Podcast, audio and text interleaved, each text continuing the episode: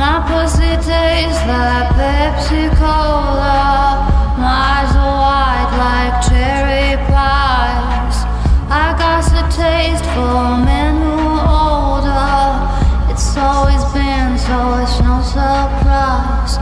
All in the